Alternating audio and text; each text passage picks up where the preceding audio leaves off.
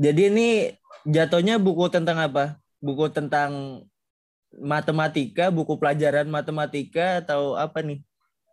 Uh, sebenarnya kalau ambil garis besarnya ya kita tarik dari awal sampai akhir sebenarnya ini lebih cocok disebut buku filsafat ilmu sih gitu pernah nggak sih kita semua ketemu sama masalah yang susah setengah mampus gitu udah sampai bingung sebingung-bingungnya gitu mau matematika kayak ekonomi kayak fisika kayak bahkan kehidupan sehari-hari aja gitu sih rasanya itu kayak ah udah gitu tapi lebih aneh lagi eh, soal itu tetap kepikiran gitu Hmm. Dan suatu hari tiba-tiba pas lagi santai nih, pas lagi santai, lagi tiduran, lagi browsing-browsing di atas angkot, terus ternyata hmm. kayak ada sesuatu gitu yang bisikin masalah yang tadi. Dan masalahnya begitu dibisikin kita jadi tahu jawabannya gitu. Jadi di ilmu neuroscience itu dibilang kita kita punya dua cara berpikir gitu. Kita punya dua stance, dua step, dua kondisi berpikir gitu. Pertama, hmm. berpikir full attention gitu, beratensi full perhatian sama satu hal gitu. Kemudian hmm. yang kedua adalah berpikir relax, relax gitu. Jadi uh, ngelepas.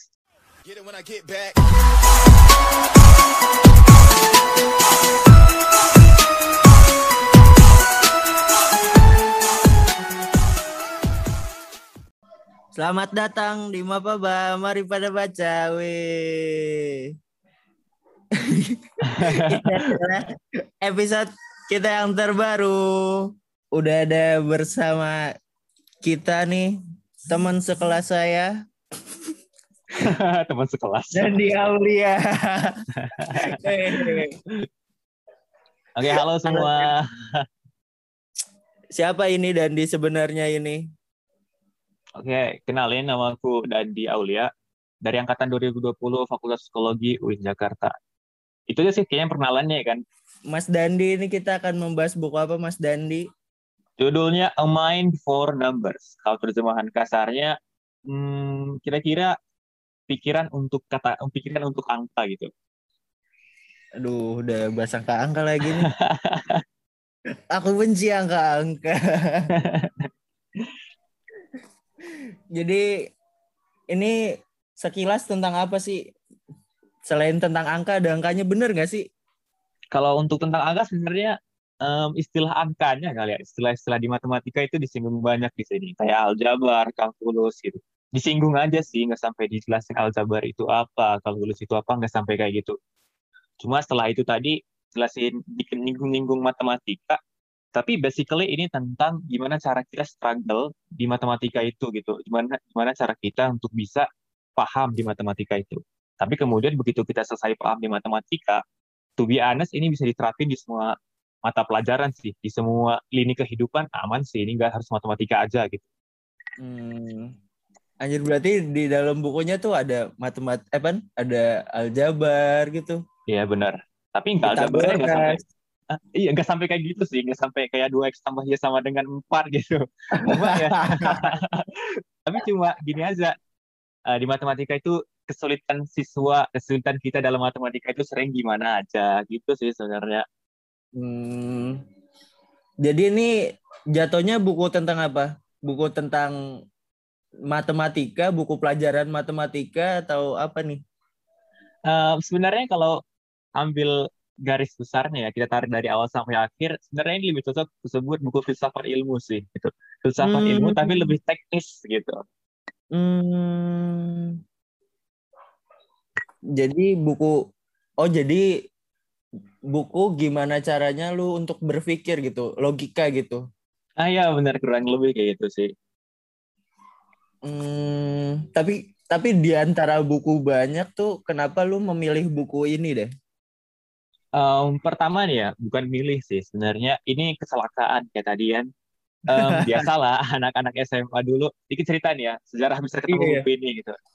Dari dulu waktu kelas 12 nih, itu waktu waktu tuh, waktu lagi taubatnya karena baru deket hmm. udah deket deket SBMPTN tuh jadi mulai dari untuk belajar apa segala semua tapi kalau aku pribadi alih-alih untuk ngerjain soal nih aku lebih milih untuk surfing di web terus nyari tahu gimana cara belajar yang benar udah itu aja terus oh, oh tapi untungnya Untungnya lu surfing mencari cara belajar yang benar ya, bukan mencari cari yang lain ya.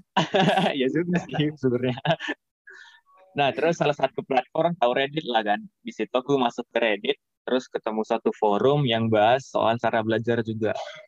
Di sana Hmm. aku ketemu banyak orang, komentar-komentar banyak di komen-komen banyak di post, nemu satu orang.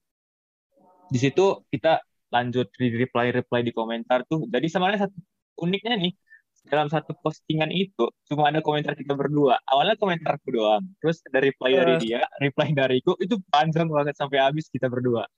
Terus akhirnya kocaknya nih ya, yang punya post kemudian langsung kom kasih komentar nih.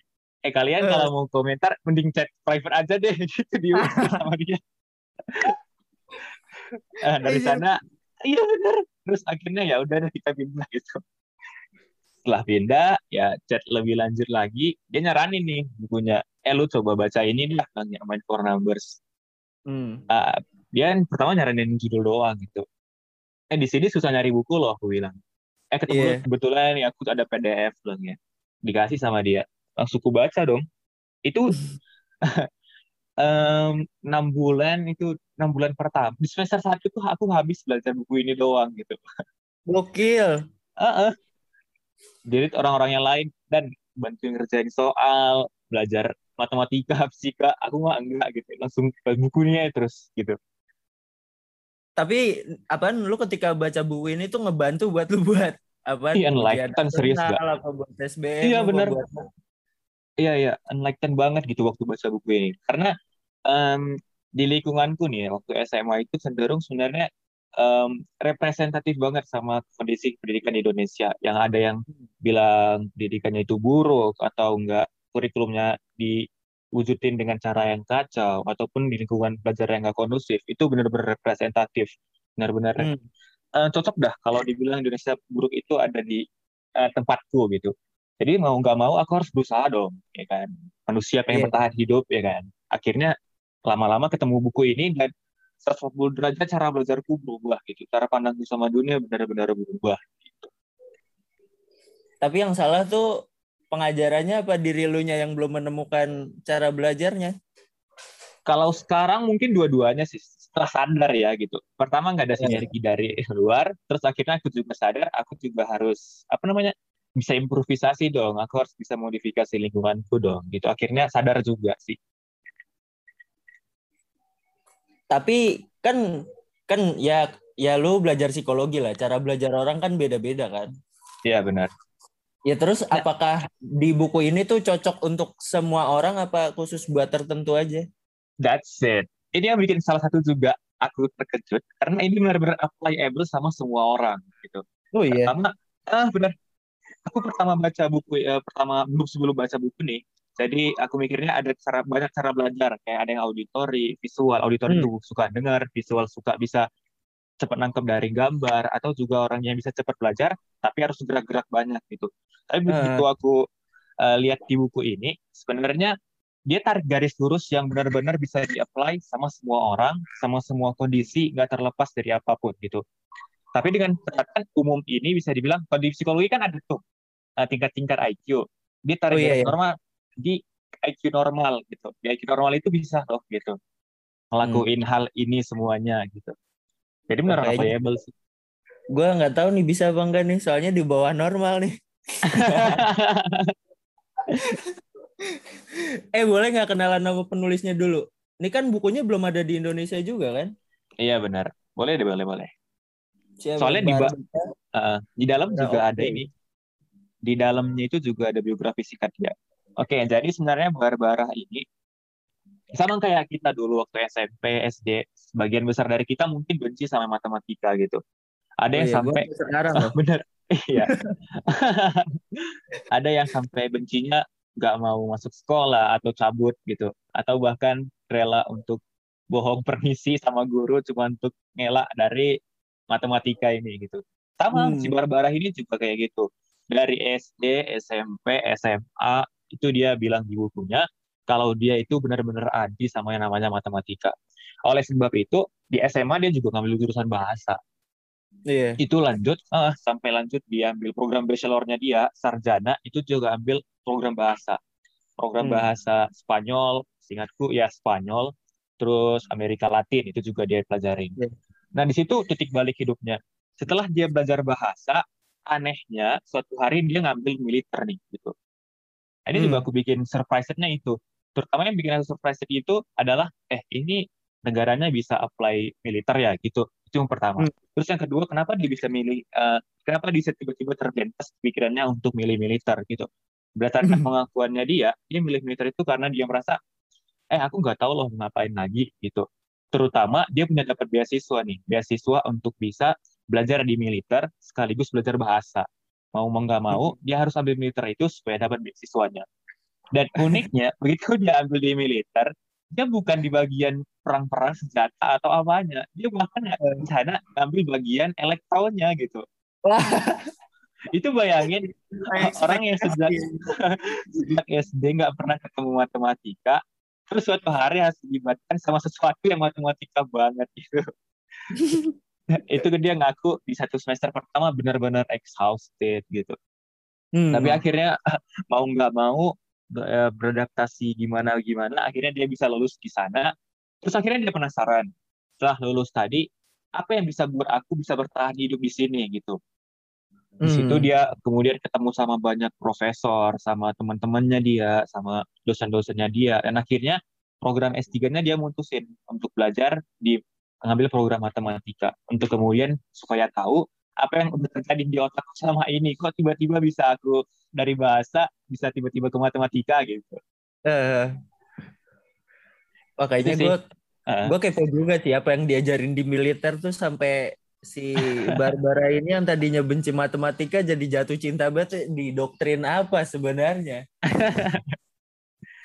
Kalau ah, iya, iya, menarik juga waktu dibilang tentang itu kenapa dia bisa berubah pikiran. Em, sebentar. Nih aku juga sebenarnya data di sini. Barbara yang frustasi nih kemudian mengerti di mana kesalahannya. Dia waktu lagi belajar nih di elektro itu kan bener-bener frustasi ya. Bayangin kayak tadi orang bahasa terus banting setir untuk belajar matematika ya pasti frustasi dong. Di sana Iya. dia akhirnya lama-lama paham nih di mana kesalahannya. Ternyata dia sadar kalau sebenarnya dia salah di konsep berusahanya. Kemudian dia Hmm. ngejar nih, ngejar ketertinggalannya pakai beberapa cara. Mulai dari nyoba untuk nggak menyelesaikan semua hal sama-sama. Ini nih. Kemudian paham kapan berhenti daripada terus ngejar dan nyoba untuk sesuai diri sama konsep dan teknik belajarnya. Walaupun dia bakal ketinggalan wisuda sama teman-teman yang lain. Nah, ini catatannya. Walaupun ketinggalan, dia akhirnya berusaha untuk perbaikin dasarnya dia dulu. Sebenarnya nggak matematika banget sih. Dia lebih kasih tahu apa yang salah dari dirinya gitu. Lebih ke aspek psikisnya daripada ke teknisnya gitu. Nah, anehnya Hmm. ini justru buat dia makin senang belajar. Nah, ya- bayangin kalau orang sebenarnya kan kalau disuruh tunggu nih, maksudnya disuruh nunda dulu, disuruh nganggur setahun dulu untuk benerin dasar, kan biasanya bosan nih. Ada yang Iya, iya. maksa, "Eh, eh, terpaksa gitu deh, aku harus, masa aku harus ketinggalan sama teman-temanku gitu, gengsi doang gitu. Tapi malahnya Hmm. si Barbara ini seneng, dia senang untuk mengulang lagi dari awal. Nah, perempuan yang paling depan, dia dulu yang paling kekeh untuk nentang matematika sama sains, ternyata Hmm. lulus teknik elektro tadi di militer, dan ternyata S2-nya lulus di teknik informatika. Kebayang nggak tuh gila. Teknik Gila. informatika, stres dah. Terus bahkan Kayaknya yang lanjut nih, Gue Kenapa, kayaknya termotivasi deh. Iya. Emang udah ketinggalan jauh sama temen-temen gue kan nih. emang ya ketinggalan berapa tahun maksudnya? Ini ketinggalan gimana maksudnya? Ya ketinggalan lah kayak ya yang lainnya udah pada lulus gitu. Gue masih Oh. sekelas sama lu nih. Oh, kalau gitu, kalau gitu mudah-mudahan sini dapat pencerahan ya gitu. Ya kayaknya gue abis ini bikin buku lagi deh. A Mind for Words. Iya dah. Bukan number. dia yang udah tertarik menjadi profesor nih, profesor matematika tadi. Akhirnya alih Hmm. matematikanya, dia justru tertarik sama tadi, gimana cara aku bisa belajar ya? Eh, kok aku bisa lulus ya? Gitu. Dia tertarik sama Hmm. hal itu. Gimana cara kerja otak kita, mas manusia gitu. Nah, ketertarikan ini tumbuh nih lewat dia yang sadar bahwa teknik dalam teknik itu, jurusan teknik itu ternyata bantu banget dalam penelitian cara kerja otak dalam dunia kedokteran. Nah, di sini aku agak em, penasaran nih, ini alasanku juga masuk psikologi. Katanya Hmm. Barbara ini, lewat kita anak-anak teknik itu punya cara berpikir yang lebih bagus daripada anak-anak lain gitu. Karena di teknik itu mereka diajarin cara berpikir yang benar. Walaupun secara nggak sadar, walaupun secara nggak sadar gitu. Maksudnya mereka nggak diajarin nih cara berpikir benar itu kayak gini gitu. Tapi secara nggak langsung materi-materi dalam teknik itu menurut Barbara udah ngarahin kita untuk bisa belajar berpikir dengan benar gitu secara nggak sadar. Ini aku juga nanti bakal testimoni dari pengalamanku selama ini belajar matematika. Gokil, gokil. Hmm, iya. Mungkin nanti yang bisa yang sering nonton Zenius, yang kenal sama Sabda PS, itu mungkin bakal relatable sama beberapa um, topik yang udah dia bawa dalam buku ini. Itu sih kira-kira untuk yang penting dari Barbara menurut Di Dandi, kan tadi di bukunya kan dijelasin kalau misalnya bocah-bocah teknik tuh cara berpikirnya lebih baik, tapi kenapa lu malah mengambil ilmu sosial? Ah, oh ya, ini juga sebenarnya unik sih. Dulu aku waktu SMA mikirnya gini, um, aku ambil psikologi yang IPA gitu. Karena kan di Indonesia ada Unpad, itu program IPA tuh. Yeah. Rencana aku awalnya pengen masuk Unpad gitu, karena jalur IPA tadi. Nah, karena aku karena apa? Begitu cek kurikulum Unpad, itu mm. ada program wajibnya olahraga nih, olahraga. Karena aku tipikal yang gak suka olahraga, ya gak usah unpad dah gitu jadi mau nggak mau langsung cari dong gue setir cari yang lain kira-kira um, pilih bagian yang mana uh, psikologi lain yang bisa gantiin unpad gitu pas, pas hmm. cek muter ekspor ekspor ketemu UIN dah begitu aku tahu UIN juga basicnya statistika yang kuat jadi pilih UIN aja daripada UI atau GM gitu eh tapi berarti di buku di buku ini tuh tidak itu ya nggak ngajarin gimana cara kita memahami olahraga ya? Terkhusus pelajaran enggak, olahraga ini enggak nih. Kalau sains uh. dan matematika dipelajarin nih. eh iya, basicnya berangkatnya dari sana sih gitu menurutku. Berangkatnya dari sana, dari matematika dan sains gitu. Karena um, dari matematika dan sains ini menurut Barbara dari ilmu ini kita bisa relatable ke yang lain gitu. Karena kan masalah paling besar dari ini gitu. Begitu kita selesaikan hmm. masalah yang besar ini, mungkin dia berpikir kalau ini bisa terjun turun ke bahasan-bahasan lain gitu. Eh si Barbara ini ada teorinya nggak sih? Apa dia cuman belajar apa dia bikin teori gimana cara belajarnya apa dia nyatut-nyatut terus jadi buku ini? Uh, ya sebenarnya lebih kedua tadi sih dia lebih banyak kumpulin-kumpulin teori yang benar terus nyocokin sama pengalamannya dia dan akhirnya nulis buku ini gitu. Tapi kalau menurut lu cara belajar yang benar tuh kayak gimana setelah membaca buku ini? Yang pertama pengen ku bilang, pertama fenomena yang sering kita alami ini. Pernah nggak sih kita semua ketemu sama masalah yang susah setengah mampus gitu. Udah sampai bingung sebingung-bingungnya gitu. Mau matematika kayak ekonomi kayak fisika kayak bahkan kehidupan sehari-hari aja gitu sih. Rasanya itu kayak ah udah ah gitu. Tapi lebih aneh lagi eh, soal itu tetap kepikiran gitu.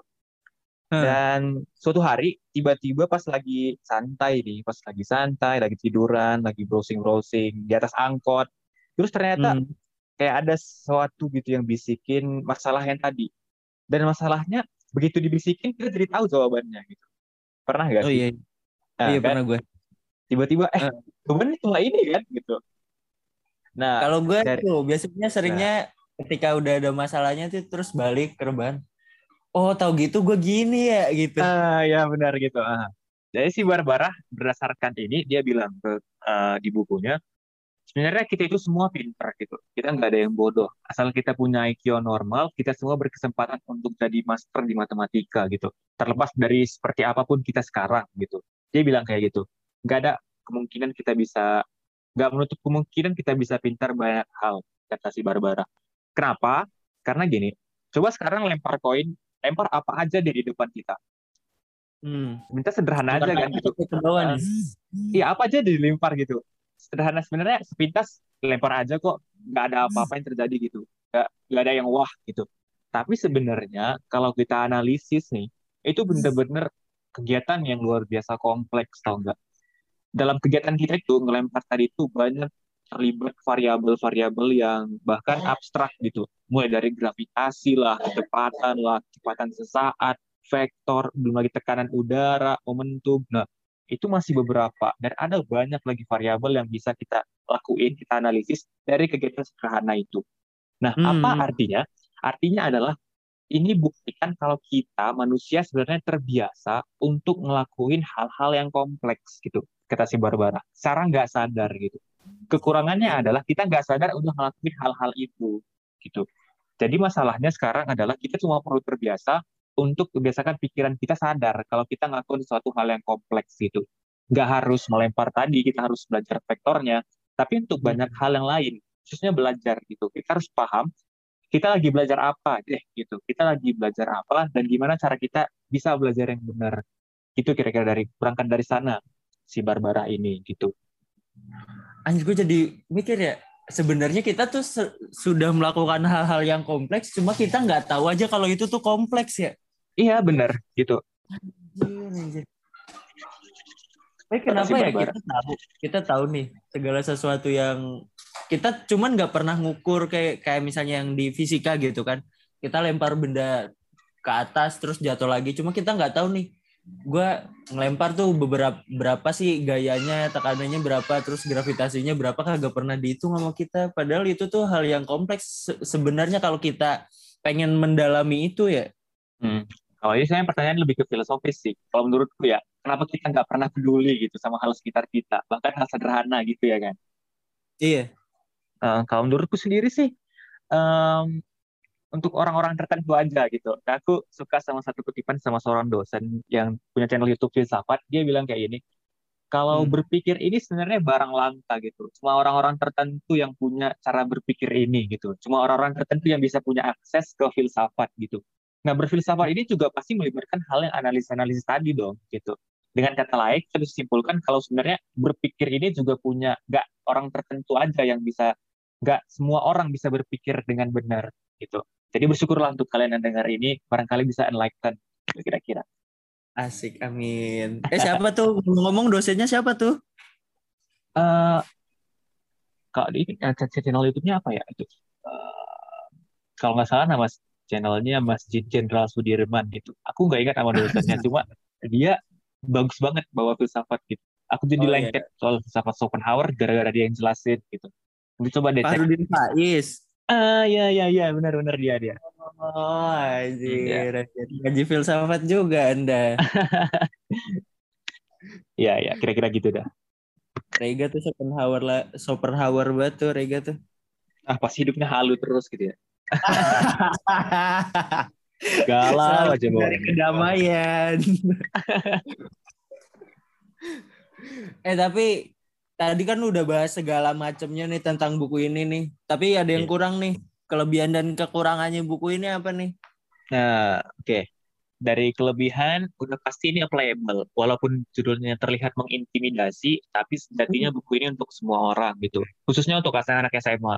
Jadi nanti aku juga insya Allah bakal banyak nyebarin podcast ini ke teman-teman SMA aku, adik-adik kelas, junior, semua pokoknya yang masih SMA. Karena ini benar-benar penting buat mereka supaya untuk memperbaiki udahlah udah cukuplah kita bodoh-bodohnya gitu. Udah cukuplah kita bertengger di posisi bawah um, teams. Maksudnya udah cukup kita ber, ber udah cukup deh bodohnya gitu. Besarnya kita hmm. berubah gitu. Dan dari mana kita berubah itu ya dari belajar yang benar gitu. Pertama itu kelebihannya. Ini cocok untuk semua orang khususnya untuk yang lagi belajar gitu. Yang kedua hmm. ini ilustratif kok gitu. Kalian gak bakal ketemu banyak kata-kata yang abstrak gimana cara berpikirnya tapi lebih ke ilustratif, lebih mudah diterapkan ke sehari-hari. Kayak tadi contoh yang masalah koin, masalah kalimat, masalah koin dan lilin, itu banyak yeah. lagi kuis-kuis di dalam bukunya yang bisa kalian apply. Untuk kelebihan yang ketiga, tentu sistematis gitu. Kalian gak cuma belajar um, topik yang acak-acakan, tapi udah sistematis. Maka di sini juga diajarin gimana cara ngandel, gimana cara handle prokrastinasi, gimana cara handle kebingungan, itu diajarin di sini itu uh, untuk sistematisnya. Uh, kemudian apalagi ya kelebihannya? Uh, banyak gambar sih gitu, karena kan zaman ini terkenal generasi Z mulai dari katanya teori Penguin bilang dari hmm. generasi Z itu dari milenial, dari milenial Z sampai seterusnya itu bakal lebih suka untuk belajar dihadapin sama visual gitu. Jadi di buku ini hmm. udah penuhin itu. Kalian bisa nggak bosan karena banyak ilustrasi-ilustrasi yang bisa bikin kalian relatable sama kehidupan sehari-hari gitu. Lanjut oh, iya. untuk kekurangannya, hmm, apa ya? Karena tadi dia gabungin banyak teori. Mungkin kalian yang sulit, yang mungkin apa namanya, hmm, apa istilahnya itu? Untuk kalian yang mungkin gak suka nih, gak suka untuk yang udah tahu teori satu, terus ketemu teori yang lain gak bisa dimasukin dalam otak gitu. Ini mungkin gak cocok hmm. karena dia lebih banyak mix and match gitu. Karena kan ada hmm. nih beberapa orang yang satu teori digabungin sama yang lain, eh ini kok beda sih, malah makin bingung gitu. Tapi yang iya, ini, yeah, yeah, yeah. Uh, jadi itu kurangannya untuk yang itu tadi. Kemudian yang kedua, jangan ketipu deh gitu. Banyak orang ketipu kayak tadi kan udah ketemu main for numbers gitu. Uh. Jadi pemilihan judulnya mungkin sepintas menarik gitu, tapi kalau kita bawa ke Indonesia judul ini mungkin bakal sepi yang beli gitu. Soalnya ada angkanya ya. Iya benar. Itu aja sih kira-kira. Uh. Oh iya, bahasa, bahasa. Belum ada bahasa Indonesia. Ini mungkin juga kekurangan sih. Karena kan di Indonesia mungkin belum ada juga. Aku juga jarang nemunya di buku, di toko-toko buku, di online juga jarang ketemu bukunya ini. Jadi belum terpublikasi secara luas. Terus bahasanya juga bahasa Inggris gitu. Mungkin itu jadi kesulitan tersendiri sih. Tapi menurut lo wajib diterjemahin ke bahasa Indonesia nggak buku ini? Eh, wajib sih sebenarnya itu. Wajib, wajib. Hmm. Tolonglah untuk para penerbit nih yang ngedengerin podcast ini, tolong yuk, baru yuk. Ya benar. Judulnya Online for Numbers. Ya kalau sekalian hubungin Dandi gitu, mantap bisa kita sama asik. Anjir, anjir, anjir ya kan gini uh, apa namanya kalau aku kan kemarin juga aku mikirnya gini waktu kuliah tuh karena nggak suka organisasi pasti harus manfaatin yang organisasi luar dong karena aku nggak harus ke organisasi di kampus aku harus lebih banyak relasi keluar gitu baru-baru yeah. ini iya. juga sering dipanggil teman-teman Dema untuk ngisi moderasi webinar gitu rencana aku hmm. begitu sekali interaksi sama publik aku harus dapat banyak hal gitu mulai dari bisa promosi dapat ilmu dapat semua semuanya gitu termasuk marketingnya gitu jadi di sini juga mau nggak mau aku manfaatin dong harusnya Tapi nggak apa-apa, self selling namanya. Iya. Baik. Siapa lagi yang yang mau menjual diri kita kalau bukan kita sendiri ya kan? iya benar. Saran dong, kenapa nih buat temen-temen wajib banget terutama buat eh tadi udah sih ya. Rating deh langsung rating deh. Ratingnya ya? berapa? Hah? Hmm, oh ya ini belum nih. Yang penting tadi mau sambut uh, sampaikan adalah ini poin penting dari bukunya, teori berpikirnya. Sebentar ya. Oh iya. Oke, okay, jadi dalam buku ini disampaikan ada pendekatan focused dan diffused thinking gitu. Kalau terjemahan hmm. bahasa Indonesia-nya adalah berpikir terfokus dan berpikir tersebar gitu. Kalau ini sebenarnya hmm. istilah yang dipakai sama si Barbara sendiri, focused thinking dan diffused thinking. Kita singkat FTDT aja biar nggak capek. Sebenarnya iya, iya. ini uh, istilah ini itu didapat dari ilmu neuroscience. Oh. Um, jadi, iya benar diambil dari sana. Jadi di ilmu neuroscience itu dibilang kita kita punya dua cara berpikir gitu. Kita punya dua stance, dua step, dua kondisi berpikir gitu.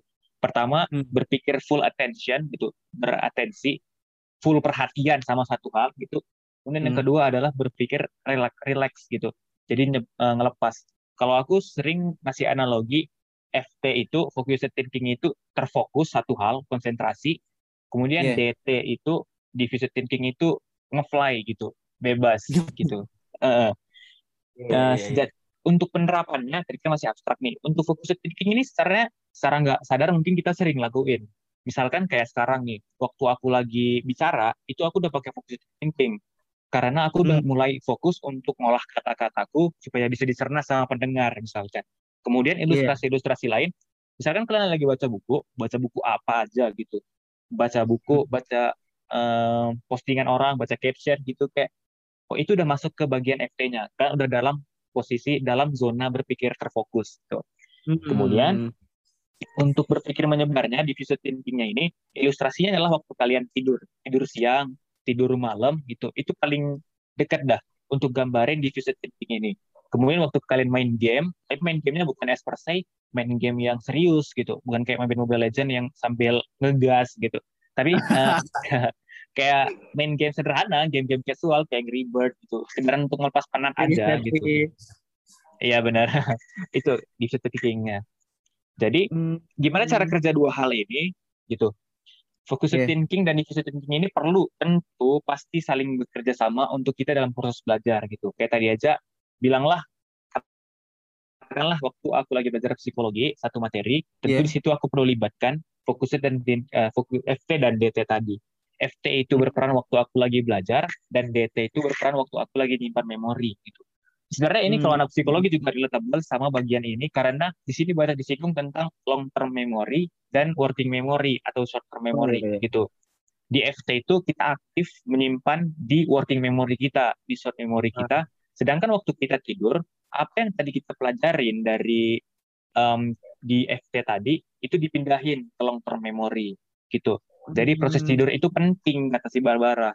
Proses tidur itu penting gitu. Jadi orang yang satu eh, rutin belajarnya satu hari belajar terus belajar terus nggak ada istirahat itu nggak bakal efektif sama orang yang belajarnya diselingin sama main game, sama refreshing, sama tidur Hmm. siang gitu. Gitu kata si Barbara. Apa kalau cara belajar itu kebut semalam ya? Ah ya gitu. Oh ini juga dibahas tuh sama si Barbara secara spesifik gitu. Apa dampak buruk kebut semalam gitu. Itu dijelasin sama Hmm. dia. Cuma Wah, aku anjir. agak ra- rada-rada lupa sama dia. Eh, dikit yang ku ingat dari kebut semalam ini, kata si Barbara, waktu kita kebut semalam itu sebenarnya nggak satisfying gitu. Walaupun seri- sebenarnya kan agak eh, bangga gitu kan, misalkan ujian kebut Ah. semalam dapat nilai tinggi gitu, agak iya. bangga juga gitu. Tapi kata Barbara ini cuma temporary satisfying ini katanya. Ini cuma kesenangan sementara gitu, tapi nggak baik untuk waktu eh, berkepanjangan. Kenapa? Hmm. Karena ini bakal bikin kita jadi gak menghargai yang namanya proses gitu. Kita bakal lebih cenderung untuk melihat sesuatu itu berdasarkan hasilnya gitu. Itu salah satu Hmm. keburukannya dari kebut semalam gitu. Eh, Oke. eh, tapi gue bakal itu dah. Gue bakal baca buku ini, tapi cuman bukan ke teori bagai teori logikanya. Gue malah lebih suka yang kayak tadi tuh bagaimana memanage prokrastinasi yang menunda-nunda pekerjaan itu. Terus kayak yang Ah, cara berpikir fokus dan diffuse ini yang menurut gue tuh menarik banget sama yang tadi keburukan keburukannya kebut semalam tuh kayak gimana iya. itu sih gua gua gua lebih tertarik bakal baca gara-gara itunya di- dibanding logikanya cuma kan orang beda-beda ya Walaupun tadi balik lagi katanya main for numbers, tapi bener-bener gak banyak nyinggung angka kok gitu. Kayak tadi bahas logika, logika nggak logika-logika banget kok gitu. Lebih banyak ke self improvementnya gitu. Bahkan aku berani bilang kalau 90% itu isinya tentang self development buku ini gitu. Dan 10 persennya itu biografinya dia. Jadi benar-benar Ya, ada matematika. Gitu. sebentar doang ya biografinya ya Heeh, 10. Cuma satu bab gitu. Oke, next. oke Balik ke bagian tunggu terakhir nih. Untuk bagian penting tadi, bagian fokus dan diffusive thinking tadi, untuk penerapan yang paling bisa kita lakuin, otomatis dengan kata Barbara garis bawahin bahwa dengan cara tukar-tukar eh, kondisi ini, kita itu bisa mendapatkan proses belajar yang lebih baik dari sebelumnya. Itu kata Barbara. Ini juga udah ada penelitiannya katanya. Udah dia rasain sendiri, terus udah juga ada testimoni dari banyak profesor lain gitu. Jadi tukar-tukar antara dua cara berpikir ini itu penting untuk dilakuin gitu. Ibaratnya ya kayak kita mau bangun otot, itu kan biasanya nggak disaranin nih untuk latihan tiap hari, tapi ada baik eh, disaranin untuk latihan sehari sampai ototnya benar-benar keram, terus satu hari istirahat full, besoknya baru latihan lagi, gitu kan? Nah, Hmm. kira-kira itu ilustrasi penting cara kita belajar, kurang lebih kayak gitu, kata si Barbara. Jadi gimana Hmm. cara nerapinnya? Untuk di Indonesia, aku udah ngeliat eh, channel YouTube-nya Zaid, Zaid ya, Zaid siapa namanya? Itu anak udah coba ngasih tahu nih, ngasih cara belajar yang benar lewat teknik sih, nggak cara. Teknik belajar yang benar dengan time management Pomodoro timer itu. Kurang Hmm. lebih kayak gitu sih sebenarnya. 25 menit alokasiin untuk benar-benar fokus sama satu pelajaran, terus 10 menit kasih waktu untuk diri kita nyimpan memori yang udah kita pelajarin tadi dengan cara refleks re- relax tadi, misalkan main game, browsing gitu, atau sekedar jalan-jalan aja, atau sebenarnya take a nap, itu kira-kira. Itu poin pentingnya yang pengen gue sampaikan. Hmm. Tapi nggak bakal bisa nih kalau misalnya diterapin di sekolah nih. Ah iya bener. Itu 8 jam full non-stop ya kan kalau sekolah. Agak susah ya. Mungkin itu ya alasannya Ya, kenapa nah, tapi- Indonesia di, di sini-sini Nah, aja. Iya, tapi aku sebenarnya aku secara pribadi enggak sih. Karena kan kuliah juga gitu sih kan. Kuliah setengah satu setengah jam itu non-stop kan. Kalau aku karena online, karena udah terbiasa juga nih sih. Yang bisa aku saranin teman-teman yang lain juga bisa coba. Kalau lagi emang Indonesia nih kasusnya yang nggak ada take nap take nap time yang cukup Nah. untuk bisa nyimpan memori, aku saranin belajar pen spinning, belajar kesibukan-kesibukan lain di luar belajar untuk ngalihin fokus kita dari belajar itu gitu. Kalau aku secara Hmm. pribadi jujur sering cabut waktu teman-teman presentasi sih gitu. Misalkan gini, 40 menit pertama aku bakal fokus, terus 10 menit kemudian aku bakal cabut gitu, bakal unmute, bakal off cam, eh, dan aku bakal ngerjain kerjaan yang lain untuk untuk bisa nyimpan memori tadi gitu. Jadi bakal Hmm. lebih sering cabut, tapi sebenarnya aku berani bilang kalau aku lebih paham daripada yang lain gitu. Yuk, mulai sekarang sering-seringlah cabut. Eh tapi as per se cabutnya harus ada report nih ya gitu. Tadi di sini juga Barbara singgung nih soalnya. Begitu kalian terapin cara ini, kalian juga perlu track record katanya. Begitu kalian terapin cara focus thinking dan diffuse thinking ini, kalian perlu track record untuk bandingin sejauh apa kalian udah berkembang gitu. Hmm. Udah, cukup. Ada yang mau disampaikan lagi nggak? Udah sih itu poin pentingnya dari buku ini. Oke. Terima kasih banyak Dandi, Aulia. Terakhir-terakhir nih, promote-promote. Oh, Jadi terakhir apa lagi nih? di bagian Instagramku tuh, di bagian highlight, eh, untuk Hmm. bagian in- judulnya Insights, itu juga ada banyak em, isinya tentang cara belajar yang benar gitu. Di situ juga ada tentang bahasa tentang buku ini juga sih, bagian yang pentingnya. Kalian bisa cek lagi di sana. See you. Wih, gokil. Buat temen-temen nih itu kunjungin tuh Instagram. Instagramnya namanya apa di? Um, at Dandi, D A N D Y A U L Y A Z Z itu. Nah itu, pokoknya kalau pengen tahu cara belajar yang baik itu tuh kayak gimana, ya mungkin pengen pengen bisa nih seperti Dandi nih yang bisa ngomong was was was, cerot cerot cerot, tentang seperti itu. Mungkin lebih ke pemahamannya ya, bagaimana cara bisa lu bisa memahami itu dan masuk ke long term memory lu kayak gimana. Iya, that's it. Itu kuncinya. Gimana cara apa yang kita pelajarin bisa bertahan lama di otak kita gitu. gitu apalagi nah ini cocok banget nih buat gue nih yang sering lupa nih yang pikun gue sampai gue sampai mempertanyakan loh anjir gue banyak banyak baca malah banyak lupa ini kayak gimana ini katanya membaca menunda kepikunan tapi gue malah pikun Makin pikun. kayaknya mungkin ada yang salah deh dengan cara gue membaca dan memahami deh Gua iya. bakal. Makasih banyak Dandi sudah bermain di podcast Mari Pada Baca nih. Oke semua, makasih banyak. Terima kasih banyak buat teman-teman. Jangan lupa follow Instagramnya Dandi, follow juga Instagramnya Mari Pada Baca. Ya. Makasih banyak yang sudah mendengarkan dari awal sampai akhir, dari tengah sampai akhir. Awalnya saja nggak apa-apa. Makasih banyak. Eh Dandi jangan lupa main-main lagi kalau ada buku menarik nih. Aman. Tinggal call aja. Mantap. Terima kasih banyak.